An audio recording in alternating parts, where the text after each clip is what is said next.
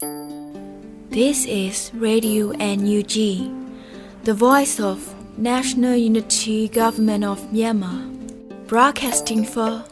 Myanmar Spring Revolution. Radio NUG is transmitting from shortwave 16 meter 17.71 megahertz at 8 a.m. and 25 meter 11.965 megahertz at 8 p.m. Myanmar Standard Time. မင်္ဂလာပါရှင်အမျိုးသားညီညွတ်ရေးအစိုးရရဲ့အတန်းလွှတ်ဌာနရေဒီယို NUG ကိုမနေ့၈နိုင်မှလိုင်းတူ16မီတာ19.81 MHz နဲ့ညပိုင်း၈နိုင်မှလိုင်းတူ25မီတာ17.665 MHz တို့မှာဓာတ်ရိုက်ဖမ်းယူနာဆင်နိုင်ပါပြီရှင် မင်္ဂလာအပေါင်းနဲ့ပြည့်စုံကြပါစေယခုအချိန်ကစပြီး Radio NUG ရဲ့အစီအစဉ်လေးကိုဓာတ်ရိုက်အတန်းလွှင့်ပေးနေပါပြီရှင်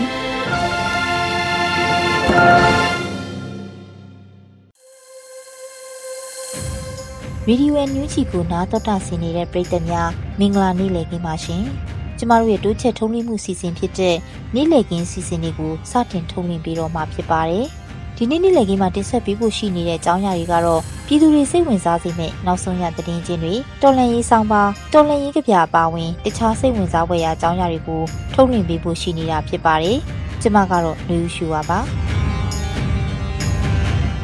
ဒီနေ့နေ့လည်ကင်းရဲ့ပထမဆုံးစီစဉ်အနေနဲ့မနေ့ကဖြစ်ပွားခဲ့တဲ့ကြီးမြင့်နိုင်ဆန္ဒပြမှုမှာပြည်သူတွေပေါ်စစ်ကောင်စီကအကြမ်းဖက်မှုတွေနဲ့တူလူငယ်သတင်းတောက်နှစ်ဦးကိုပါဖမ်းဆီးခံခဲ့ရပါတယ်။ဒီသတင်းတွေနဲ့တူ နောက်ဆုံးရသတင်းချင်းတွေကိုတော့နှွေဦးမှုကဆက်လက်ဖတ်ကြားပေးမှာဖြစ်ပါတယ်ရှင်။မင်္ဂလာပါ။နေ့လည်ခင်းသတင်းများကို တင်ဆက်ပေးသွားမှာဖြစ်ပါတယ်။ကျင်းမင်တိုင်းမှာဖြစ်ပွားခဲ့တဲ့ဆန္ဒပြပြည်သူတွေအပေါ်စစ်ကောင်စီအကြမ်းဖက်မှုမှာလူငယ်တည်င်းထောက်နှစ်ဦးလည်းဖမ်းဆီးခံခဲ့ရပါတယ်။ဓာတ်ပုံတည်င်းထောက်ကိုကောင်းဆက်လင်းနဲ့ရုပ်တံတည်င်းထောက်မမှုရတနာခတ်မုံမို့ထွန်းတို့နှစ်ဦးဟာဒီဇင်ဘာလ9ရက်နေ့တွင် စစ်ကောင်စီတပ်ကစန္ဒပြပြည်သူများအားကားနဲ့တိုက်တက်သည့်ဖြစ်စဉ်တွင်ပါဝင်ခဲ့ပြီးအခုလိုစစ်ကောင်စီတပ်များရဲ့ဖမ်းဆီးခြင်းကိုခံလိုက်ရတာပါ။စစ်မင်နိုင်မြို့နယ်ပန်းပင်ကြီးလန်းအကြမ်းဖက်ခံရမှုကြောင့်ပြည်သူ၄ဦးကြဆုံးခဲ့ရပြီးလူငယ်အချို့မှာကားတိုက်ခံရသည့်တငယ်ချင်းသားတွင်ပွေပိုက်ဆောက်ရှောက်ရင်းအဖမ်းခံခဲ့ရတာကိုရုပ်တံသတင်းများအရထင်ထင်ရှားရှားတွေ့ရပါတယ်။ပြေးရင်လွှာရင်ဖမ်းဆီးခံလိုက်ရသူများလည်းရှိခဲ့သလို ထိုအထဲမှာမြန်မာ Press Photo Agency ၏ဓာတ်ပုံသတင်းထောက်ကိုကောင်းဆက်လင်းနဲ့ရုပ်တံသတင်းထောက်မမှုရတနာခတ်မုံမို့ထွန်းတို့ပါဝင်တယ်လို့သိရပါတယ်။လူငယ်သတင်းထောက်နှစ်ဦးဟာအဆိုပါတပိတ်ကိုရောက်ရှိသတင်းယူနေစဉ်အကြမ်းဖက်ခံရမှုဖြစ်စဉ်ဖြစ်ခဲ့ပါတယ်။ဒဏ်ရာရရှိသွားတဲ့မြန်မာ Press Photo Agency ၏ဓာတ်ပုံသတင်းထောက်ကိုကောင်းဆက်လင်းကိုဖမ်းဆီးခေါ်ဆောင်သွားကြောင်းရုပ်သံမှတ်တမ်းပေါ်တွေ့မြင်ရပြီး အမျိုးသမီးသတင်းထောက်မှာတော့အဆက်အသွယ်မရဘဲပျောက်ဆုံးနေဆဲဖြစ်တယ်လို့မြန်မာ Press Photo Agency သတင်းစာမျက်နှာကအသိပေးထုတ်ပြန်ခဲ့ပါတယ်။သတင်းထောက်ကိုကောင်းဆက်လင်းနဲ့မမိုးရတနာခက်မုံမို့ထွန်းတို့သည်တရားဝင်ပြဋ္ဌာန်းထားပြီးလက်ရှိအချိန်ထိအသက်ဝင်နေဆဲဖြစ်သည့်မီဒီယာဥပဒေပုံမှန်၄အရနိုင်ငံသားတိုင်းသိခွင့်ရှိသောသတင်းအချက်အလက်များနဲ့သဘောထားအမြင်များကိုကျင့်ဝတ်စည်းကမ်းနဲ့အညီစုံစမ်းဖော်ထုတ်ရေးသားခွင့်နဲ့ သတင်းထုံးလင်းခွင့်နဲ့အညီအဆိုပါဆန္ဒပြတပိတ်မောက်ရာနေရာသို့ရောက်ရှိသတင်းရယူနေခြင်းဖြစ်တယ်လို့ MPA ကဖော်ပြပါတယ်။မီဒီယာဥပဒေပုံမှန်ခွန်တွင်လည်းသတင်းမီဒီယာသမားတို့သည်စစ်မှတ်ဖြစ်ပွားရာဒေသ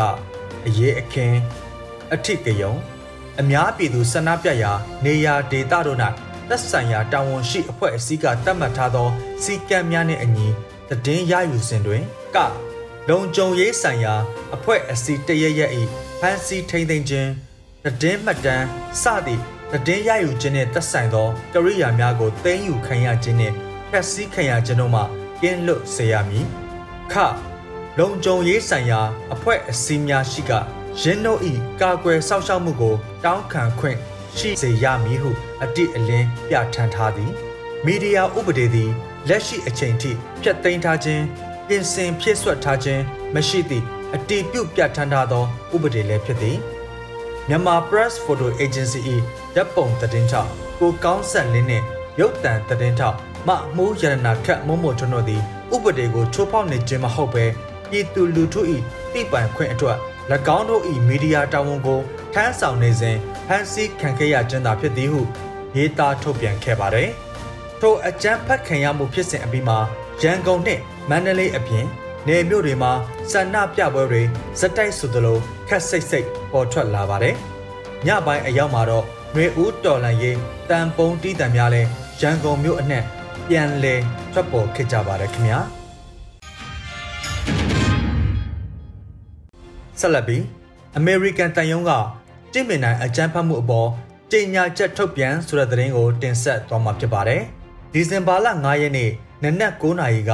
တင့်မင်နိုင်မြို့နယ်ပန်းပင်ကြီးလမ်းမှာငိမ့်ချမ်းစွာထိတက်ဆန္ဒပြနေတဲ့ရန်ကုန်လူထုတပိတ်ကလူငယ်တွေကိုအကြမ်းဖက်စစ်ကောင်စီကလူမဆန်စွာကားဖြစ်တိုက်တနက်ဖြစ်ဖြစ်အကြမ်းဖက်မှုကျွလွန်ခဲ့တဲ့ကိစ္စနဲ့ပတ်သက်ပြီးအမေရိကန်တန်ယုံရန်ကုန်ကကြေညာချက်တစ်ခုထုတ်ပြန်ခဲ့ပါတယ်။အဲ့ဒီထုတ်ပြန်ချက်အပြည့်စုံမှာ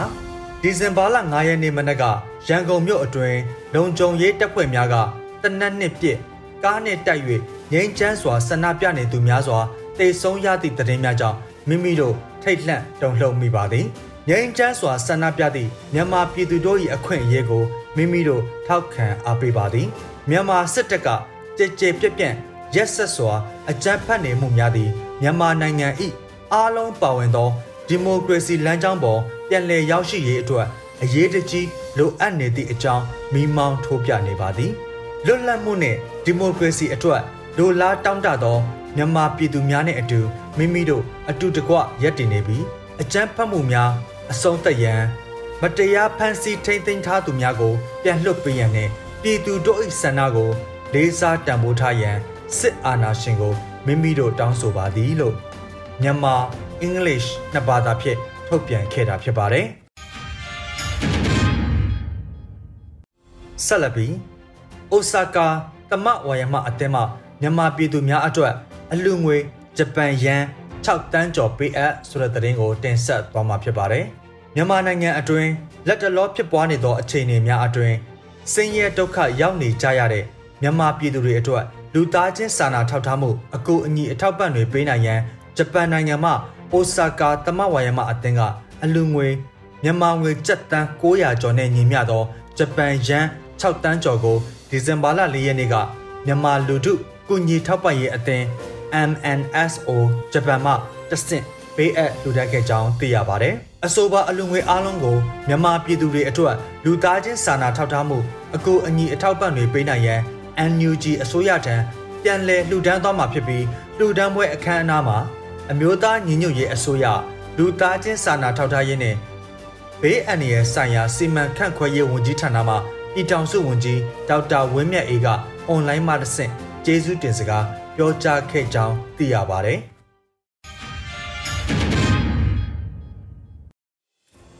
ဆက်လက်ပြီးတရုတ်ဘက်ထဲဖျဲကားတွေတွာလာနိုင်ပေမဲ့ရောင်းကွင်းထဲမရောက်သေးဆိုတဲ့သတင်းကိုတင်ဆက်သွားမှာဖြစ်ပါတယ်။မြန်မာတရုတ်နေဆက်အဓိကကုန်သွယ်ရာဂိတ်ဖြစ်တဲ့ကျင်စန်းကျော်ဂိတ်ကိုနိုဝင်ဘာ26ရက်နေ့ကပြန်လည်ဖွင့်လှစ်ပြီးတဲ့နောက်ပိုင်းတရုတ်ဘက်ထဲကိုဖျဲကားတွေဝင်သွားနိုင်ပေမဲ့ ရောင်းကွင်းထဲမရောက်နိုင်သေးဘူးလို့တစ်တီးပွဲရုံတွေနဲ့မူဆယ်105မိုင်တစ်တီးဝလံကုန်စီဒိုင်တွေစီကသိရပါတယ်။အထဲရောက်သွားတဲ့ဟာကလည်းတရုတ်ပြည်ရဲ့အနီရောင်နေပေထဲမှာပဲရောက်ထားသေးတာကြောင့်ပိုးသက်စေးဖြန့်ထားရပြီးဂျူတီဆောင်ပြီးမှသာရောင်းကွင်းထဲကိုရောက်နိုင်မှာပါ။ဒါပေမဲ့ရောင်းကွင်းထဲကိုမရောက်သေးဘူး။မရောက်သေးတဲ့အတွက်ကြောင့်မို့လို့ရောင်းတဲ့ဈေးနှုန်းကလည်းမတိရသေးပါဘူးရှင်။တရုတ်ဘက်ချမ်းထဲကိုတော့22စီးပဲ ရောက်သေးတာဖြစ်ပြီးမြန်မာဘက်ချမ်းမှာစောင့်နေတာကတော့အစီး80ကျော်80ဝန်းကျင်လောက်ရှိမယ်လို့တတိပွဲယုံကအကုံတဲတူကပြောပါတယ်။ဝန်တိန်ဘက်ချမ်းရောက်နေတဲ့ဖရဲကားတွေဟာတရုတ်ဘက်ကကုန်ကြမဲ့ဇရိတ်နဲ့အကောက်ခွန်စနစ်အပြောင်းအလဲကိုစောင့်ဆိုင်းနေရတာကြောင့်ကြန့်ကြာနေပြီးအသေးရောင်ကွင်းကိုမရောက်နိုင်တာဖြစ်တယ်လို့သိရပါတယ်။တရုတ်ဘက်နဲ့ညှိနှိုင်းနေပေမဲ့ကြာနိုင်တယ်။အစကတည်းကချိန်ထားတဲ့ကားတွေလုံးဝအဆင်မပြေသေးဘူး။စောင့်ကြည့်နေတယ်လို့ တတိဝလံကုန်စီတိုင်တာဝန်ရှိသူတို့ကပြောပါတယ်။ကျင်းစန်းကျော်ရွှေလွယ်အင်ကွင်းမှာရောက်နေတဲ့အသေးကား90အတွက်ခောက်တူကားတွေမရသေးတာကြောင့်105မိုင်အရှိတ်မြောက်တတိကွင်းမှာရောက်နေတဲ့တတိကားတွေကျင်စန်းကြော့ဘက်ဆင်းမလာသေးဖို့ကိုလည်းတတိဝလံကုန်စီတိုင်ကအကြောင်းကြားထားတယ်လို့သိရပါတယ်။ဝန်တိန်ဖရဲကွင်းမှာကားရောက်လာတာမတွေ့သေးဘူးလို့ဝန်တိန်ဘက်ကမြန်မာကုန်ဂိတ်ပိုင်ရှင်တူကပြောပါတယ်။ COVID-19 ကာလ ကုန်သွယ်ရေးမှာကျန်းမာရေးဆိုင်ရာလမ်းပိုင်း process ရှုပ်ထွေးမှုနဲ့ကုန်ကျစရိတ်မြင့်မားမှုကြောင့်ခက်ခဲနေပြီးတရုတ်ဘက်ကလည်းမတင်မှတ်ထားတဲ့ border trade နယ်စပ်ကုန်သွယ်ရေးစနစ်ကနေ normal trade ပုံမှန်ကုန်သွယ်ရေးစနစ်ကိုရုပ်ချီးပြောင်းလဲကတင်ပို့ကုန်ကို oversea ပင်လယ်ရေကြောင်းတင်ပို့မှုစနစ်နဲ့အခွန်ကောက်ခံနေတာဖြစ်တယ်လို့မြန်မာလုပ်ငန်းရှင်ကုန်သွယ်တွေစီကသိရပါတယ်ခင်ဗျာကျွန်တော်ຫນွေဦးမိုးပါ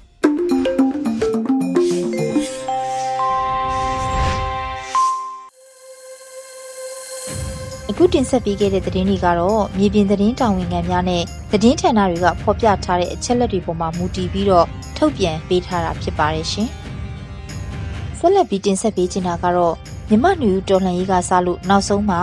ဆရာနာရှင်ကိုအမြင့်ဖြတ်တိုက်ထုတ်ဖို့နီလန်းဟာလက်လက်ဆွဲကင်ပြီးတော့ခုခံတွန်းလှန်ဖို့သာတန်ထိတ်တန်ချခဲ့ရတဲ့နီးဖြစ်ပါတယ်။ဒီလိုတန်ထိတ်တန်ချခဲ့တဲ့ຫນွေဦးရဲဘော်ဟာတောထဲမှာရာသီရေမြေတောတောင်တ ဘာဝတို့နဲ့ရှင်ပြီးနေထိုင်လှုပ်ရှားနေရတဲ့အတွက်ရေဦးရဲဘော်တူရဲ့စိတ်အလင်ဖြစ်ချင်းတွေကိုပြန်လည်မှန်ချင်းအားဖြည့်ရင်နေခဲ့ရတဲ့ပုံရိပ်တွေကိုပေါ်လွင်အောင်ရေးဖွဲ့ထားတဲ့မောင်လွန်းနီရဲ့ရေဦးရဲဘော်ဆိုတဲ့ကြပြကိုတော့မောင်ကျော်ကဖတ်ကြားတင်ပြပေးမှာဖြစ်ပါတယ်ရှင်။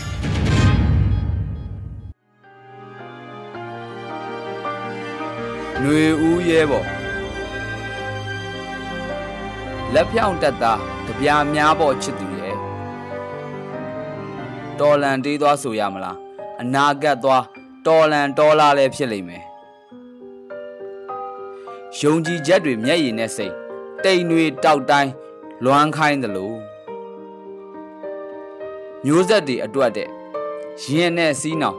အသေးနှလုံးမှာဘောင်ခက်ချိတ်ဆွဲတယ်ရေစီးရဲ့ကစင်ကလျားအလင်တွေထဲမှာနောင်တမဲ့ချစ်ချင်းတရားတရားမျှတမှုရင်တစုံ ပြုံးနိုင်ပါတယ်ဆိုပဲတတိတွေရလာရင်တနက်ပြောင်းလေးကို ထွေးဖက်ချော့မြူမိပြန်ရောရာဒီပြောင်းခြင်းမီအေးဆက်ထုံခြင်းနဲ့စောင်းဝင်စຫນွေဦးကတိမ်တောင်တွေတောက်ပါပဲမဲ့တန်းတခြင်းတွေပဲပွင့်တဲ့ຫນွေဦးပေါ့တောင်ရိပ်တောရိပ်တိုင်းမှာဖူးတယ်မောင်လွမ်းနီ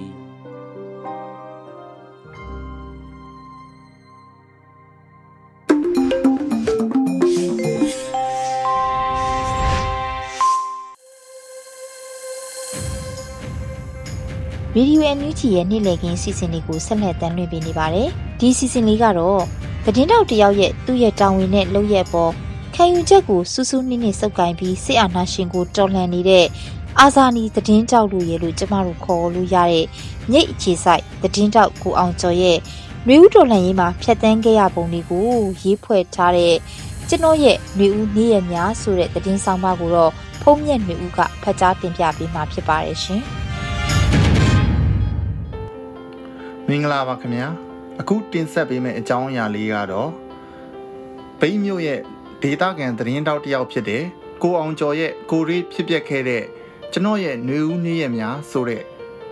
ကိုရီဖြစ်ရမှန်အကြောင်းအရာလေးတစ်ခုပဲဖြစ်ပါတယ်ခင်ဗျာဘိန်းမြို့ကပြည်သူတွေဟာစစ်တပ်အာဏာသိမ်းပြီး9ရက်မြောက်တဲ့နေ့ ဖေဖော်ဝါရီလ9ရက်နေ့ကစပြီးတခြားဒေသတွေလိုငြိမ်းချမ်းစွာနဲ့စီကန်းရှိရှိဆန္ဒဖော်ထုတ်ခဲ့ကြတယ်။အဲ့ဒီလိုအခြေအနေတွေမှာကျွန်တော်တို့သတင်းသမားတွေအနေနဲ့လဲဒီအာဏာရှင်စန့်ကျင်ရေးမှာဘလို့ဆောင်ရွက်ရမယ်။ပြည်သူလူထုဘက်ကဘလို့ရက်တီပြီးဆောင်ရွက်ရမယ်ဆိုတာကိုဒေတာတွင်းသတင်းသမားတွေနဲ့တိုင်ပင်ခဲ့ကြတယ်။ဒေတာတွင်းမှာရှိတဲ့တချို့သတင်းသမားတွေကတော့ စစ်တပ်အာဏာသိမ်းပြီးနောက်ပိုင်းစိုးရိမ်စိတ်တွေကြောင့်သတင်းအလုပ်ကိုဆက်မလုပ်ကြတော့ဘူးတချို့ကြတော့စစ်တပ်ကိုထိခိုက်စေမဲ့စကလုံးတွေကိုရှောင်ရှားပြီးရေးသားလာကြတယ်ဒီအတွက်လဲသူတို့ကိုအပြစ်သွားပြောရွေလို့တော့မရကျွန်တော်တို့သတင်းလောကမှာစကားတစ်ခုရှိပါတယ်မိမိအသက်တဲ့အရေးကြီးတဲ့သတင်းဘာတစ်ခုမှမရှိဘူးဆိုတာကိုလည်းအမြဲအမှတ်ရနေရပါတယ်ဒါပေမဲ့ဒီလိုအချိန်မှာပြည်သူတွေအတွက် ကျွန်တော်တို့သတင်းသမားတွေရဲ့အခန်းကဏ္ဍဟာအရေးတကြီးလိုအပ်နေပြီးကျွန်တော်တို့ဒေတာမှာဘာတွေဖြစ်နေတယ်လူထုရဲ့လိုလားတောင်းတမှုတွေကဘာတွေလဲဆိုတာကိုအားလုံးသိအောင်လုပ်ဖို့ကျွန်တော်တို့မှာတာဝန်ရှိတယ်လို့ခံယူထားပါတယ်။ဒါကြောင့်ကျွန်တော်အနေနဲ့အားလုံးနဲ့တိုင်ပင်ပြီးကြွေးကြော်တန်တစ်ခုတင်လိုက်တယ်အဲ့ဒီကြွေးကြော်တန်ကတော့ I am journalist တင်တို့ရဲ့လှုပ်ရှားမှုတွေကို ကဘာကြီးကိုပြန်ပြောပြဖို့ကျွန်တော်တို့အမြဲရှိနေမယ်ဆိုတဲ့ကြွေးကြော်တန်တစ်ခုကိုကျွန်တော်ရေးသားလိုက်ပြီးအဲ့ဒီစာသားပါအင်ကြီးတွေကိုရိုက်နှိပ်လို့ဒေတာအတွင်းမှာအလုတ်ဆက်လုပ်နေကြတဲ့သတင်းတောက်တွေကိုဝေငှခဲ့တယ်။ရည်ရွယ်ချက်ကတော့ဘသူစေခိုင်းချက်အရာလောက်တာမျိုးမဟုတ်ဘဲမိမိအသိစိတ်နဲ့ကျွန်တော်တို့ပတ်ဝန်းကျင်ကျွန်တော်တို့ဒေတာကျွန်တော်တို့တိုင်းပြည်မှာဘာတွေဖြစ်ပျက်နေတယ်ဆိုတာကိုကဘာကြီးသိအောင်ပြန်ပြောပြဖို့ ကျွန်တော်တို့မှာတာဝန်ရှိတယ်လို့ခံယူထားပြီးဒီလိုသတင်းတွေကြောင့်ပြည်သူတွေရဲ့အတန်ကိုကဘာကြီးကပုံမသိရှိရပြီးလက်ရှိဖြစ်ပျက်နေတဲ့ပြဿနာတွေကိုအမြန်ဆုံးပြေလည်သွားမယ်လို့ယုံကြည်ထားလို့ပဲဖြစ်တယ်။နောက်တစ်ခုကကျွန်တော်တို့ဒီကနေ့ဖြစ်ပျက်ခဲ့တဲ့အကြောင်းအရာတွေဟာနောက်တစ်ချိန်မှာသမိုင်းမှတ်တမ်းတစ်ခုအနေနဲ့ကြန့်ရှိခဲ့မှာဖြစ်ပြီးနောက်အနာဂတ်မျိုးဆက်တွေလက်ထက်အထိအာနာရှင်စနစ်ဟာဘလောက်ထိဆိုးဝါးတယ်ရက်ဆက်တယ် ကြမ်းကြုတ်တယ်ဆိုတာကိုသိရှိမှသာအနာဂတ်အာနာရှင်မျိုးဆက်တွေအမြင့်ပြတ်နိုင်မှာဖြစ်တယ်လို့ယုံကြည်ချက်နဲ့သတင်းသမားခန့်ကဏ္ဍကနေအလုပ်တွေဆက်လုပ်ဖြစ်ခဲ့တယ်။သတင်းတောက်တွေအတွက်တခြားလိုအပ်တဲ့ press အုပ်ထုပ်တွေအကာအကွယ်မျက်မှန်တွေကိုတော့သတင်းမီဒီယာအဖွဲ့တချို့ကကျွန်တော်တို့ကိုအကူအညီပေးခဲ့လို့ကျွန်တော်တို့ကျေးဇူးတင်ခဲ့ရပါတယ်။ကျွန်တော်ဟာ ညီမလေးတယောက်အကူအညီကိုရယူပြီးနှစ်ယောက်သားစစ်တပ်အာဏာသိမ်းပြီးတဲ့နောက်နေ့စဉ်ဆိုသလိုဒေသတွင်းမှာဖြစ်ပျက်နေတဲ့အကြောင်းအရာတွေကိုရုပ်သံတိုက်ရိုက်ထုတ်လွှင့်တာသတင်းရေးသားတာတွေကိုပြုလုပ်ခဲ့ကြတယ်။ကျွန်တော်ကသတင်းတင်ဆက်သူဖြစ်ပြီးညီမလေးကတော့တိုက်ရိုက်ထုတ်လွှင့်တင်ဆက်နေတဲ့အချိန်ကင်မရာရိုက်ကူးပေးသူအနေနဲ့သတင်းတွေကိုရယူခဲ့ကြတယ်။ဖေဖော်ဝါရီလ9ရက်နေ့ကစတင်ပြီးဗိတ်ခရိုင်အတွင်းမှာရှိတဲ့ပြည်သူတွေဟာ နီလန်းမျိုးစုံနဲ့စစ်အာဏာရှင်စနစ်စန့်ကျင်ရေးရွေးကောက်ပွဲနီလန်းအရာသူတို့ရွေးချယ်တင်မြှောက်ထားတဲ့အစိုးရကိုအာဏာပြန်လည်အနှင်းပေးဖို့အပါအဝင် မတရားဖမ်းဆီးခံရတဲ့နိုင်ငံခေါင်းဆောင်တွေကိုပြန်လည်လွှတ်ပေးဖို့ကိုငြိမ်းချမ်းစွာနဲ့တောင်းဆိုခဲ့ကြတယ်။ဖေဖော်ဝါရီ22ရက်နေ့နောက်ပိုင်းညတွေကစပြီးဗိတ်မြို့ကလူမှုလှုပ်ရှားမှုကိုဥဆောင်နေတဲ့ခေါင်းဆောင်တချို့ရဲ့နေအိမ်တွေကိုစစ်တပ်နဲ့ရဲတပ်ဖွဲ့ကညအချိန်မတော် အင်အားသုံးပြီးအတင်းအဓမ္မရှာဖွေဝင်ရောက်ဖမ်းဆီးတာတွေပြုလုပ်လာခဲ့ကြတယ်။ဒါပေမဲ့သူတို့ရှာဖွေနေတဲ့လူမှုကိုဥဆောင်သူတွေကိုနေအိမ်တွေမှာမတွေ့တဲ့အခါမှာတော့နေအိမ်မှာရှိတဲ့အသက်မပြည့်သေးတဲ့သားသမီးငယ်တွေကိုဖမ်းဆီးခေါ်ဆောင်မှုတွေပြုလုပ်သွားကြတယ်။သူတို့ရဲ့လုပ်ရက်တွေကိုကြည့်မယ်ဆိုရင်အစောပိုင်းကာလကလေးကအကြမ်းဖက်သမားတွေရဲ့လုံနီးလုံဟန်အတိုင်းပြည်သူတွေအပေါ်မှာပြုမှုဆောင်ရွက်နေတယ်ဆိုတာကိုမြင်တွေ့ရမှာပဲဖြစ်တယ်။အ ကြမ်းဖက်အုပ်စုလက်ပါဆွေတွေဟာဖေဖော်ဝါရီလ28ရက်နေ့ကစပြီးဗိမ့်မြို့မှာငိမ့်ချမ်းစွာဆန္ဒပြနေတဲ့ပြည်သူတွေကိုတတိပေးလူစုခွဲခိုင်းတာမျိုးအစစ်စစ်မဆောင်ရွက်ဖဲအကြမ်းဖက်နီးလန်းတွေအတိုင်းတိုက်ရိုက်သုံးပြီးနှိမ်နှင်းမှုတွေပြုလုပ်လာခဲ့ကြပါတယ်။ဖေဖော်ဝါရီလ28ရက်နေ့မှာတော့တနက်သုံးပစ်ခတ်ခဲ့ပြီးနှိမ်နှင်းခဲ့ကြသလိုအဲ့ဒီနေ့မှာပဲလူပေါင်း20ဝန်းကျင်လောက်ဖမ်းဆီးခံခဲ့ရပြီးအယောက်30တဲ့မနည်းခဲကြီးတွေနဲ့ ပြစ်ခတ်တာကိုခံခဲ့ရလို့ဆေးရုံတွေမှာခွဲစိတ်ကုသမှုတွေခံခဲ့ရပါတယ်။အဲ့ဒီလိုအကြမ်းဖက်နီးလန်းတွေအသုံးပြုပြီးနှိမ်နှင်းလာတဲ့အတွက်မက်စလာတရက်နေ့မှာတော့ပြည်သူတွေဟာလမ်းပေါ်ထွက်အင်အားပြတဲ့နီလန်မျိုးအသုံးမပြုတော့ဘဲပျောက်ကြားနီလန်အသုံးပြုပြီးဆန္ဒဖော်ထုတ်ခဲ့ကြပါတယ်။အဆိုပါနေ့မနက်ပိုင်းမှာတော့ကျွန်တော်ဟာသတင်းရယူနိုင်မှုအတွက်ညီမလေးဖြစ်သူနဲ့အတူဗိတ်မြို့အတွင်းမှာကားတစ်စီးနဲ့လိုက်လံလှည့်ပတ်ကြည့်ရှုရင်း ဗိတ်မြို့မြို့သစ်ဈေးနာအရောက်မှာစစ်ကားအများအပြားကင်းလှည့်လာတာကို တွေ့ခဲ့ရပါတယ်။အဲ့ဒီစစ်ရင်တန်းမြို့တစ်ပတ်ပတ်မောင်းခဲ့ပြီးအဲ့ဒီရင်တန်းမလန့်မကန့်ကနေကျွန်တော်ကားကတောက်လျှောက်လိုက်လာခဲ့ပါတယ်။တရင်သမားရဲ့အတွေ့အကြုံအရမတိစိတ်အရာရောမကြခင်တခုခုဖြစ်တော့မယ်ဆိုတာကိုလည်းကြိုတင်သိရှိနေခဲ့ပြီးဘေးမှာလိုက်ပါလာတဲ့ညီမလေးဖြစ်သူကိုတောင်ကြည့်နေမကြခင်တခုထူးလိုက်မယ်လို့ကျွန်တော်ပြောပြပြစ်ခဲ့ပါတယ်အဲ့ဒီစစ်ကားရင်နှန်းဟာ ဗိတ်မြို့ရဲ့အင်းလေးမြိုင်မီးပွိုင်လမ်းဆောင်အရောက်မှာတော့ပျောက်ကြားဆန္ဒပြသူတွေနဲ့ထိတ်တိုက်တွေ့ဆုံခဲ့ပြီးပြိပခဖြစ်ပွားခဲ့ပါတယ်ရက်ွက်နေပြည်သူလူထုတွေဟာစစ်ကားတွေပြန်ထွက်လို့မရအောင်လမ်းတွေကိုနီးစက်ရပစ္စည်းတွေယူဆောင်ကပိတ်ဆို့ထားခဲ့ပြီးစစ်ကားပေါ်မှာပါတဲ့စစ်သားတွေကတော့ရက်ွက်နေပြည်သူလူထုတွေပိတ်ဆို့ထားတဲ့လမ်းပိတ်ထားတဲ့အတားအဆီးတွေကိုဖယ်ရှားမှုတွေပြုလုပ်နေခဲ့ပါတယ်။ရက်ွက်နေပြည်သူလူထုတွေကလမ်းတွေကိုအစင်းစင်ပိတ်ဆို့ထားတဲ့အတွက် စစ်ကားတွေကပြန်လည်ထွက်ခွာလို့မရတဲ့အခါမှာတော့ရရက်ကွက်အတွင်းမှာရှိတဲ့နေအိမ်အတွင်းကိုတပ်ဖွဲ့ဝင်တွေကအင်အားသုံးပြီးဝင်ရောက်ဖျက်ဆီးတာရက်ကွက်နေပြည်သူတွေကိုဖမ်းဆီးတာခဲကြီးအုံပြုပြီးပြစ်ခတ်တာတွေကိုပြုလုပ်ခဲ့ကြပါတယ်။အဲ့ဒီလိုစစ်ယူနီဖောင်းနဲ့ရဲယူနီဖောင်းဝတ်ထားတဲ့သူတွေကရက်ကွက်အတွင်းဝင်ရောက်ပြီးအကြမ်းဖက်နေမှုအခြေအနေနဲ့ပတ်သက်လို့ကျွန်တော်ကညီမလေးဖြစ်သူနဲ့တိုက်ရိုက်သတင်းထုတ်လွှင့်မှုတွေပြုလုပ်ခဲ့ပါတယ်။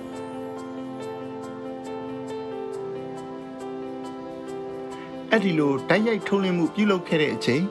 တပ်ဖွဲ့ဝင်တွေကနေအိမ်တစ်ခုအတွင်းမှာရှိတဲ့ကိုဝင်ဆောင်အမျိုးသမီးနဲ့မောင်ဖြစ်သူကိုရိုက်နှိပ်ပြီးဖမ်းဆီးသွားခဲ့တဲ့နောက်ကိုဝင်ဆောင်အမျိုးသမီးဖြစ်တဲ့အတွက်စစ်ကားပေါ်ကိုမခေါ်ဆောင်ပဲပြန်လဲလွတ်ပေးခဲ့ပါတယ်။အဲ့ဒီလိုအဆိုပါအမျိုးသမီးရဲ့နေအိမ်ကိုတပ်ဖွဲ့ဝင်တွေဝင်ရောက်ခဲ့ပြီးတဲ့နောက်မှာတော့အဲ့ဒီနေအိမ်အတွင်းမှာရှိတဲ့ပတ်စံ၄သိန်းအပါအဝင်ဘန်ကတ်တွေထည့်ထားတဲ့ပတ်စံအိတ်ပျောက်ဆုံးမှုဖြစ်ပေါ်ခဲ့တဲ့အခြေအနေကို ကာယကံရှင်အမျိုးသမီးကိုမေးမြန်းပြီးတိုက်ရိုက်သတင်းထုတ်လွှင့်တင်ဆက်ခဲ့ပါတယ်။အဲ့ဒီလိုမေးမြန်းတင်ဆက်ခဲ့ပြီးတဲ့နောက်စစ်ကားတွေလည်းရက်ွက်အတွင်းကထွက်သွားပြီးဖြစ်တဲ့အတွက်မိမိတို့ရိုက်ကူးမှုအစီအစဉ်ကိုရန်နာပြီးနေအိမ်ကို ပြန်လာခဲ့ကအဲ့ဒီအဖြစ်အပျက်အခြေအနေကိုခြုံငုံပြီးသတင်းတွေထပ်မံထုတ်လွှင့်ခဲ့ပါတယ်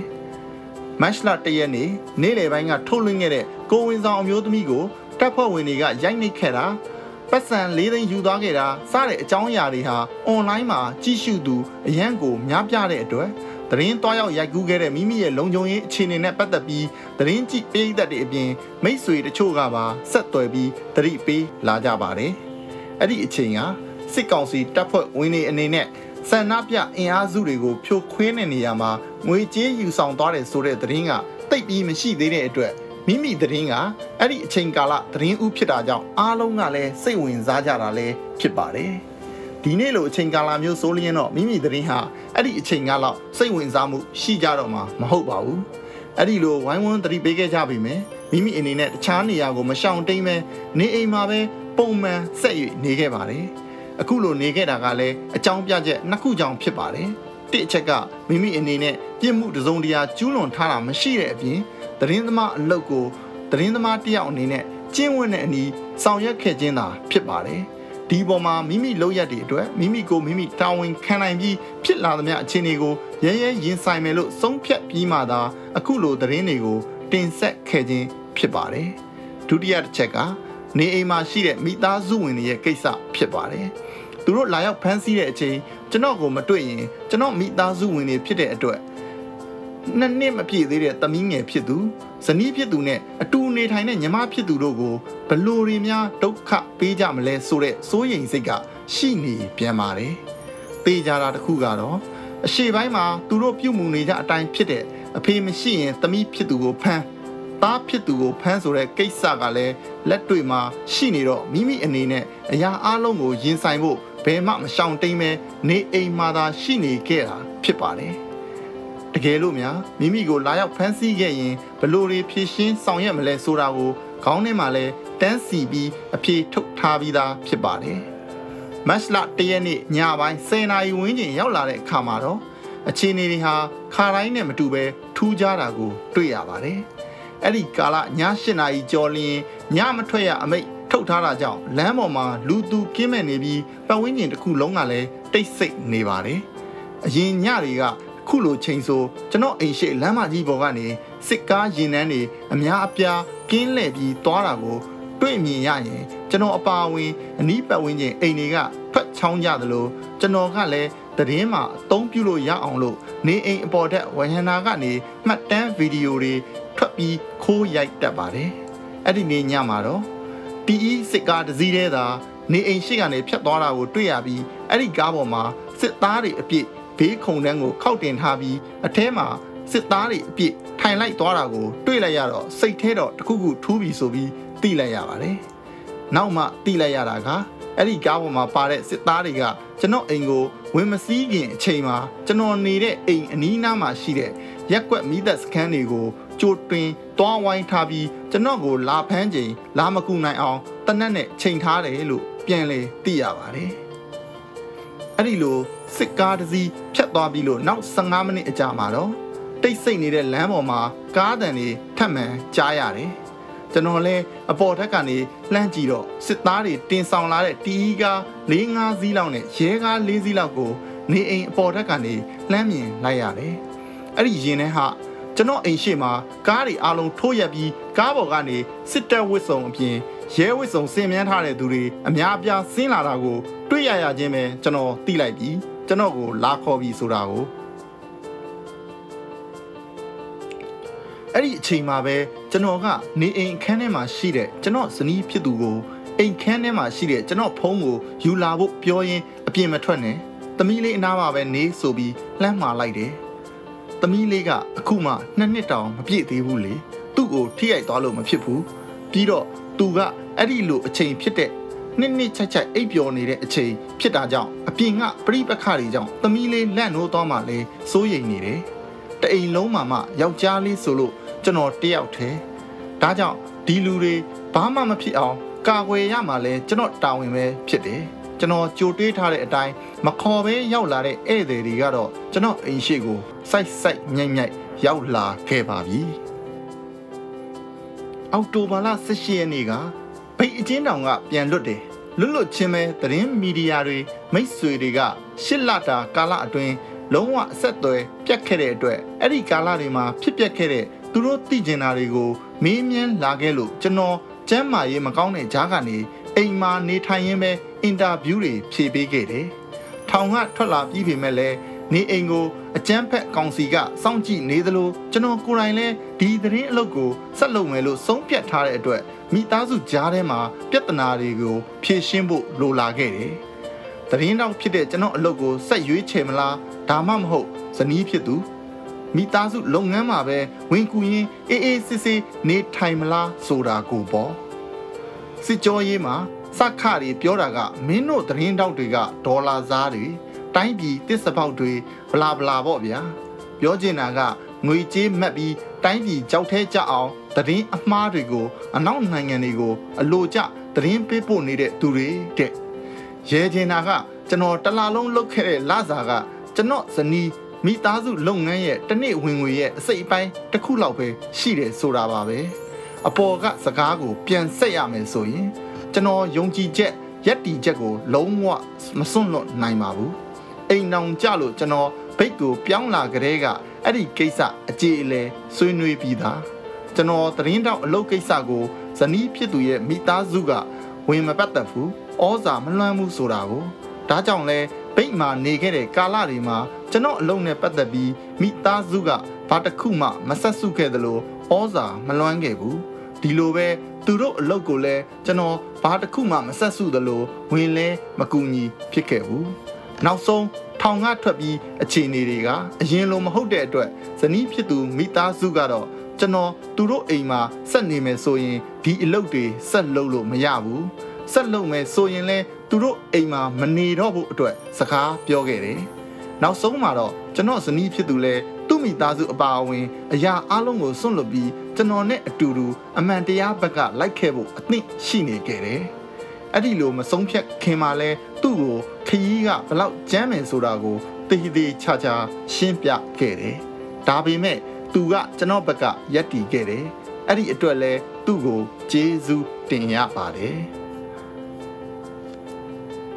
ကျွန်တော်အိမ်ကမိသားစုနဲ့အတူထွက်လာပြီးနောက်ပိုင်းမှာလဲအကျန်းဖက်စစ်ကောင်စီအမြင့်ပြတ်ရေးအတွက်တောက်လျှောက်ဆက်လုပ်နေခဲ့တယ်။အဲ့ဒီနောက်ပိုင်းမှာတော့ကြားရသလောက်ဗိမ့်မာကြံခဲ့တဲ့ ဇနီးဖြစ်သူရဲ့မိသားစုဝင်တွေကိုစခတွေကခေါ်ယူချင်းချောက်တာတွေလုပ်ခဲ့သလိုရန်ကုန်ကကျွန်တော်နေအိမ်မှာလဲကျွန်တော်ရှိမရှိ လာရောက်ရှာဖွေတာတွေပြုလုပ်ခဲ့တယ်လို့သိရတယ်။နောက်ဆုံးမှာတော့အောက်ကသတင်းစာဖြတ်ပိုင်းလေးကို မိတ်ဆွေတွေကပေးပို့လို့သိခဲ့ရတယ်။သတင်းစာဖြတ်ပိုင်းကတော့ဇနီးဖြစ်သူကို သူ့မိဘတွေက အမွေပြက်ဆွန့်လွတ်တဲ့အကြောင်းပဲဖြစ်ပါတယ်။ ကျွန်တော်ကအရင်တွေ့ခဲ့ပေမဲ့သူစိတ်မကောင်းဖြစ်နေမှဆိုလို့မပြဘူးဆိုပြီးတိမ့်ထားခဲ့တာသူကလည်းကိုစိတ်မကောင်းဖြစ်နေမှဆိုလို့ကျွန်တော်ကိုမပြဘဲထားထားတာတဲ့ဘာပဲဖြစ်ဖြစ်ပါအရာအလုံးကောင်းဖို့အတွက်ဖြစ်လာတယ်လို့ပဲသတ်မှတ်ရင်နှစ်ယောက်အတူတူရှေ့ဆက်ဖို့ခွန်အားတွေယူကြတာပေါ့ဗျာ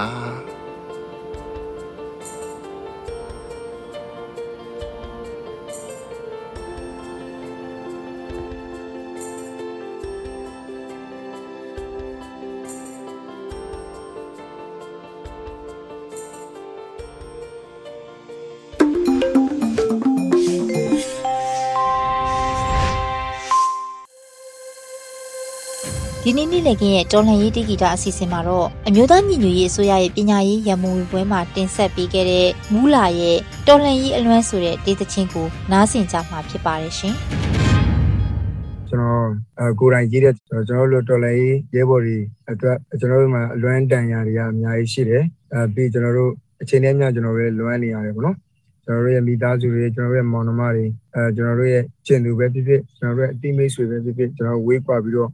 ရောက်လာခဲ့ရတဲ့အပေါ်မှာအဲဒီစိတ်ကိုကျွန်တော်ဟိုဖန်တီးဖြစ်တယ်ပေါ့နော်ကျွန်တော်ဒီရှင်းလေးနဲ့အတူကျွန်တော်တို့ကိုလွမ်းနေတဲ့သူတွေပေါ့ကျွန်တော်တို့လွမ်းနေတဲ့သူတွေရောကျွန်တော်တို့ကလည်းပြန်ပြီးတော့လွမ်းနေပါတယ်ဆိုတဲ့အကြောင်းလေးကိုဒီရှင်းလေးမှာလည်းပေါ်ပြထားတယ်ပေါ့နော်ဆိုတော့ဒီရှင်းလေးကိုလည်းနားဆင်ကြည့်ပါလို့တော်လန်လွမ်းလို့မြင်ရပါတယ်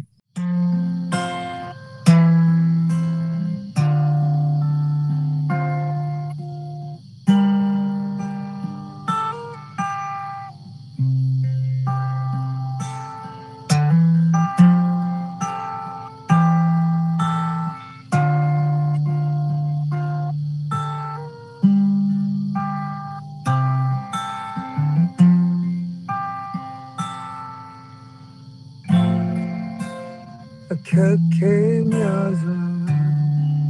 ကြောပြရင်နေတာဝိတ္တိယာစီကိုရောက်လို့နေရလူမဆန်ခြင်းများစွာကြုံတွေ့ရတော့ရွေးချယ်ကတော်လန်မှုရောက်လာ တာရှင်များခြင်းများဝင်မှာဘယ်သူများရှိခြင်းလေးလေးကွာအဖိနေခံပါ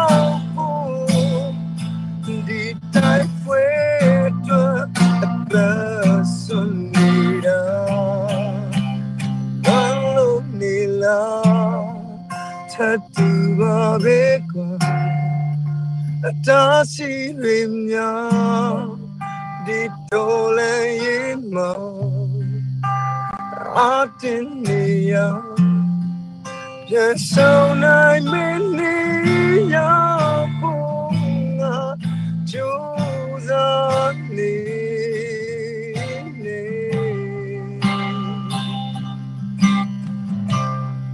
တတိယလုံးနေတာ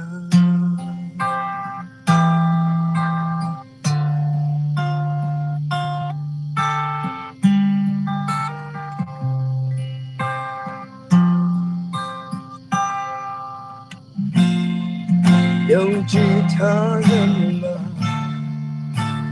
တနေ့တော့ပါကိုချင်နာသူရှိအတေးအောင်လာမှာ အာနာယူညာတဲ့နောက်ဆုံးခရီးကိုအပြစ်မယုံတဲ့ကအဆုံးသတ်နေမှာ Oh, oh, love me, love. Atu babe, atasi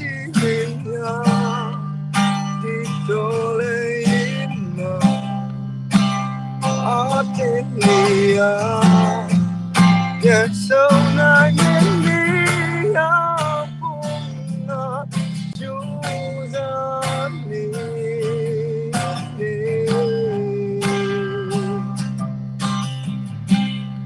Tadi alai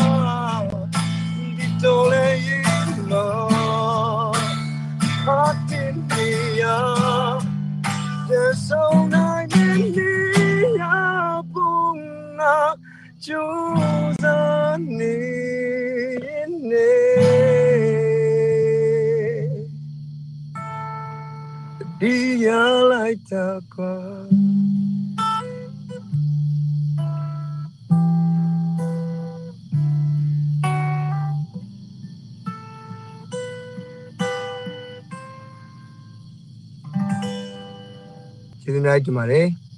အာဒီချင်းလေးလက်တွေကျွန်တော်တို့ရဲ့အဲတော်လိုင်းလုပ်နေကြတဲ့ရဲဘော်တွေကိုကျွန်တော်တို့တော်လိုင်းလုပ်နေကြတဲ့ပုံမှာကျွန်တော်တို့လွမ်းဆွနေတဲ့သူတွေအားလုံးအတွက်ကိုအဲလွမ်းပြနိုင်မယ့်ချင်းလေးတစ်ပုဒ်လို့လည်းကျွန်တော်ယုံကြည်ပါတယ်လို့ဆိုတော့ကျွန်တော်မှခွန်အားဆိုလို့တကယ်တမ်းရှိရတာဒီလိုချင်းလေးတွေပဲရှိတဲ့ပုံမှာအဲဒီချင်းလေးတွေနဲ့အတူလွမ်းဖြစ်လို့လည်းရပါတယ်လို့အားလုံးလည်းကျေးဇူးများတင်ပါတယ်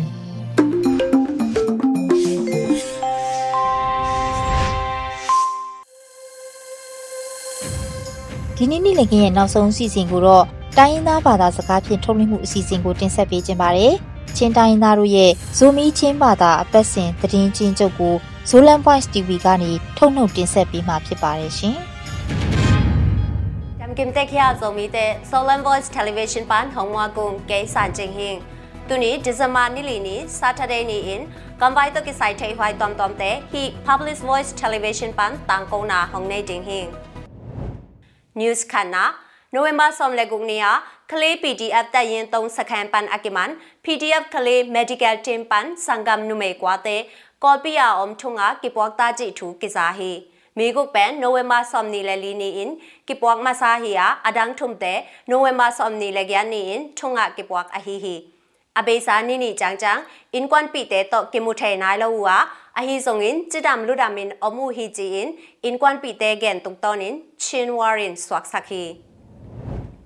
news နေနာတာလီဘန်နဲ့မြန်မာကမ်တဲတန်ပီမီတော့ကဆိုင် UN Committee in Cancer na thak bolowin khin bolu ahimanin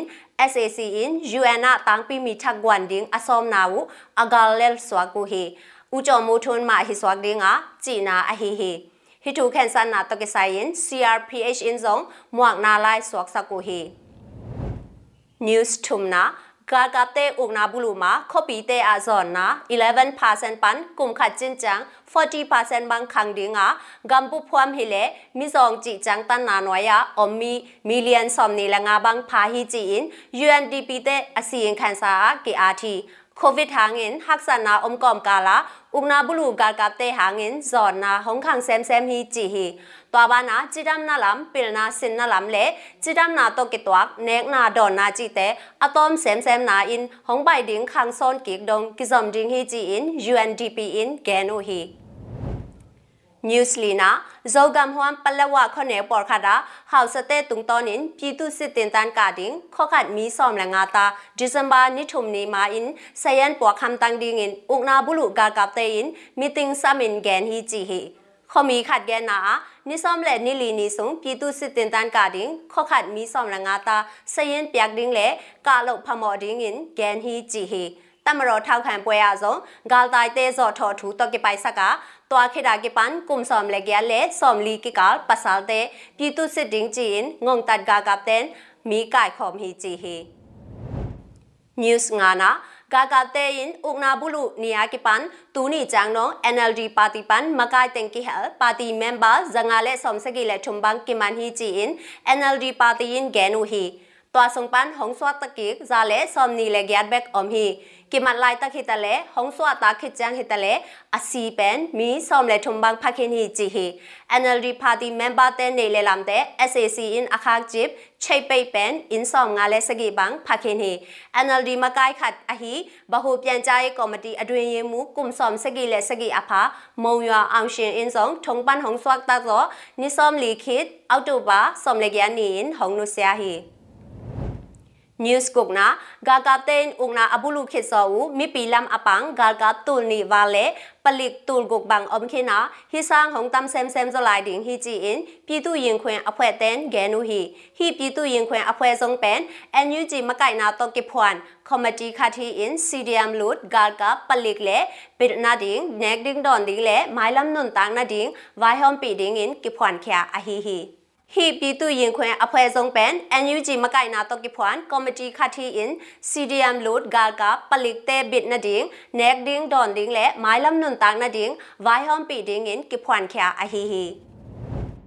นิวสกีนาทันตลางาอเบซาโนเวมบาสอมนีเลงานิปันสอมนีเลกวานีดงนิงาบังกิสอมินเมกานาหางินอินสนีเลสอมนีวาบังกิสยาฮีจีฮีฮีเมกาเบนาหางินทันตลางาอินกางอินกิสยาဇလီလေสอมสกีเลทุมบังพาตาฮีจีอิน CHRO อินแกนฮีอเบซาอิน hi meika be na hangin chantlanga inkang inkisia zalile somsegile thumbang phata hi ji in chro in gen hi abe sa en zong ga ka te in mi pi thau toy ki pol na te ngo u a a hi zong ukna bulu ga ka te in in har hi ji video le man tom tom online tunga ki zer khen hi news gyan na covid 19 na na nam thakhat ki mu le le a omicron ki chi hi november som ni le li ni in south africa ki mu ma sa a november som ni le gong ni in who in lung hi mo hwai lung no khat hi chi in tang ko u hi tu ni chang chang gam som ni le gam thum wala ki mu khe na lung no ki lo na zong hong tam sem sem hi chi hi tu chang chang a hi le ki koi chi lo a bang za in ki thwak la chi te vaccine in da zo ding mo da zo lo ding chi te siang takin ki thai chan na lo hi chi hi India zong Omicron ki muta a hi manin zogam hwam zong ki dop hwai ma ma hi chi in 710 gen hi News kwana ငွေတိုက်စာချုပ်တဲ့ပန်အလေးဟုံတမမာနာတော့ကိဇွေရင်ဘန်တဲ့ထုခွန်တဲ့ဇွေ ကာခတ်ဆုံကခေါ်ဒီငါဒီဇင်ဘာနိကုတ်နေပန်ကိဇဝကိဒင်းဟီချီအင်ဝိုင်ပွန်နေတန်ဂန်ဟီဟာဆနာတမ်ပီကောမ်ကာလာတော်လန်ယေကွာဇောထိုင်နေဒီလုံကုတ်နာတေဟာငင်ဟန်ချမ်တကင်ဟောင်းလေးတေတုငါဇာတန်းနာကုံပြဝဟီချီအင်အန်ယူဂျီအင်ပူလာခီငွေတိုက်စာချုပ်တဲ့နိုဝင်ဘာဆောင်နေလငါနေချန်ချာဒေါ်လာတန်ဆောင်လက်တန်ထုံဘာဘန်ကိဇဝခင်အဟီဟီ new somna umna bulu gar kap te khak jep na tom tom ake hel sap chei lampi om khem pe to kinog ding hi chin အရှေ့အာရှနဲ့ Pacific ဆိုင်ရာ American လက်ထောက်နိုင်ငံခြားရေးဝန်ကြီး Daniel Crichton Brand in Gan hi chi he ကာကတဲ့ဦးနာဘူးလို့နာလေငုံတနာတဲ့ပင် American back time လို့လေတုံကမ်တမ်တမ်တဲ့ vibe ပေါ့အဟိမနင်ကိခဲလနာအမန်တကင်ဟောင်းအုံးနဒင်းနဆက်ခေါပ်ဒင်းဟီချီအင်ဇုံဂန်ဟီ New som le khana ungna bulu gar kap te maka Union Election Commission thakin abaisa huna sem tain khayai မြို့နယ်အဆင့်ရွေးကောက်ပွဲကော်မရှင်လူတဲ့ Tobol ding တရားစွဲ ding စော်နာအုံကြည့်ထူကိစားဟိတူနီလက်စော်နီကတဲ့နာအားကြီးကြပ်မှုအားနေကြည့်ပေါလပ်တော့ Tobol ding အစောမှုဟိယာအဟိဇုံငင်ကိုီထုခွန်းတုံတော်နင် Tobol ding ကြီးအုံနိုင်လို့ဟိတွာဘာနာဥနာဘူးလူကာကမကိုင် commission in တူနီလေဆ ோம் နီကတဲ့ပီယာမဲနီဝေအပက်ခတဲ့ဇုံမတ်ဒင်းအဝိုင်ဟ ตัวบ้านะอุณาบุลูกากามกายคอมมิชชั่นอินตูนีเลสอมนี่กิเตลปียาเมนี่เวอเปคาเตซงมัดดิงอวายหอมซาอูฮียาอากิมันปอร์คาซงอมคินฮีจีฮี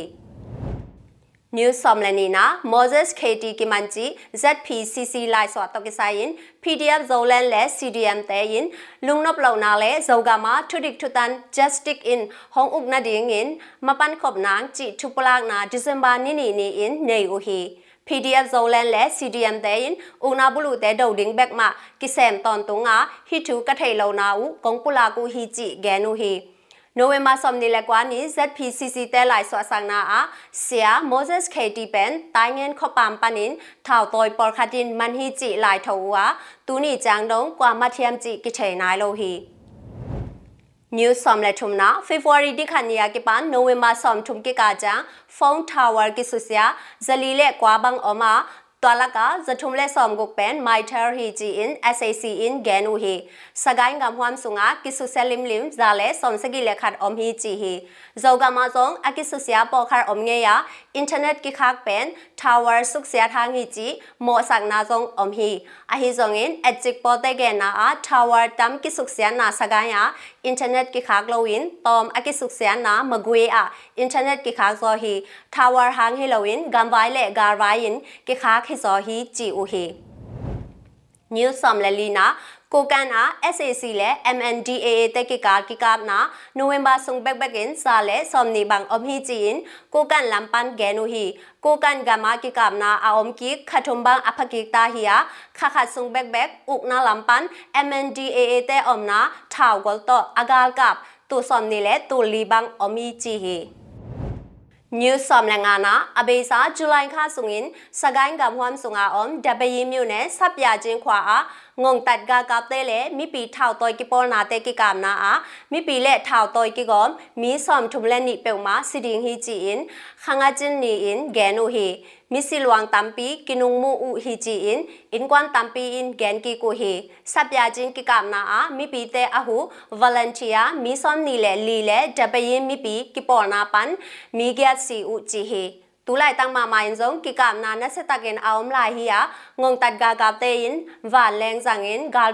မနင်မီတမ်ပီစီလော်ဒီဂင်ကိအုံမဟီတူနီဒီဇင်ဘာဟာနီလီနီဇောလန်ပန်ထတန်ကုံနာဟီစာချီနီမိုက်ကာရာဇုံချဒမ်တကင်ကိမုကင်းနီ ဒီကနေ့ကတော့ဒီညနေပဲ Radio NUG ရဲ့အစီအစဉ်လေးကိုခေတ္တရနာလိုက်ပါမယ်ရှင်။မြမစံတော်ချိန်မနေ့၈နာရီနဲ့ညနေ၈နာရီအချိန်တွေမှာပြန်လည်ဆုံတွေ့ကြပါစို့ရှင်။ Radio NUG ကိုမနေ့၈နာရီမှာ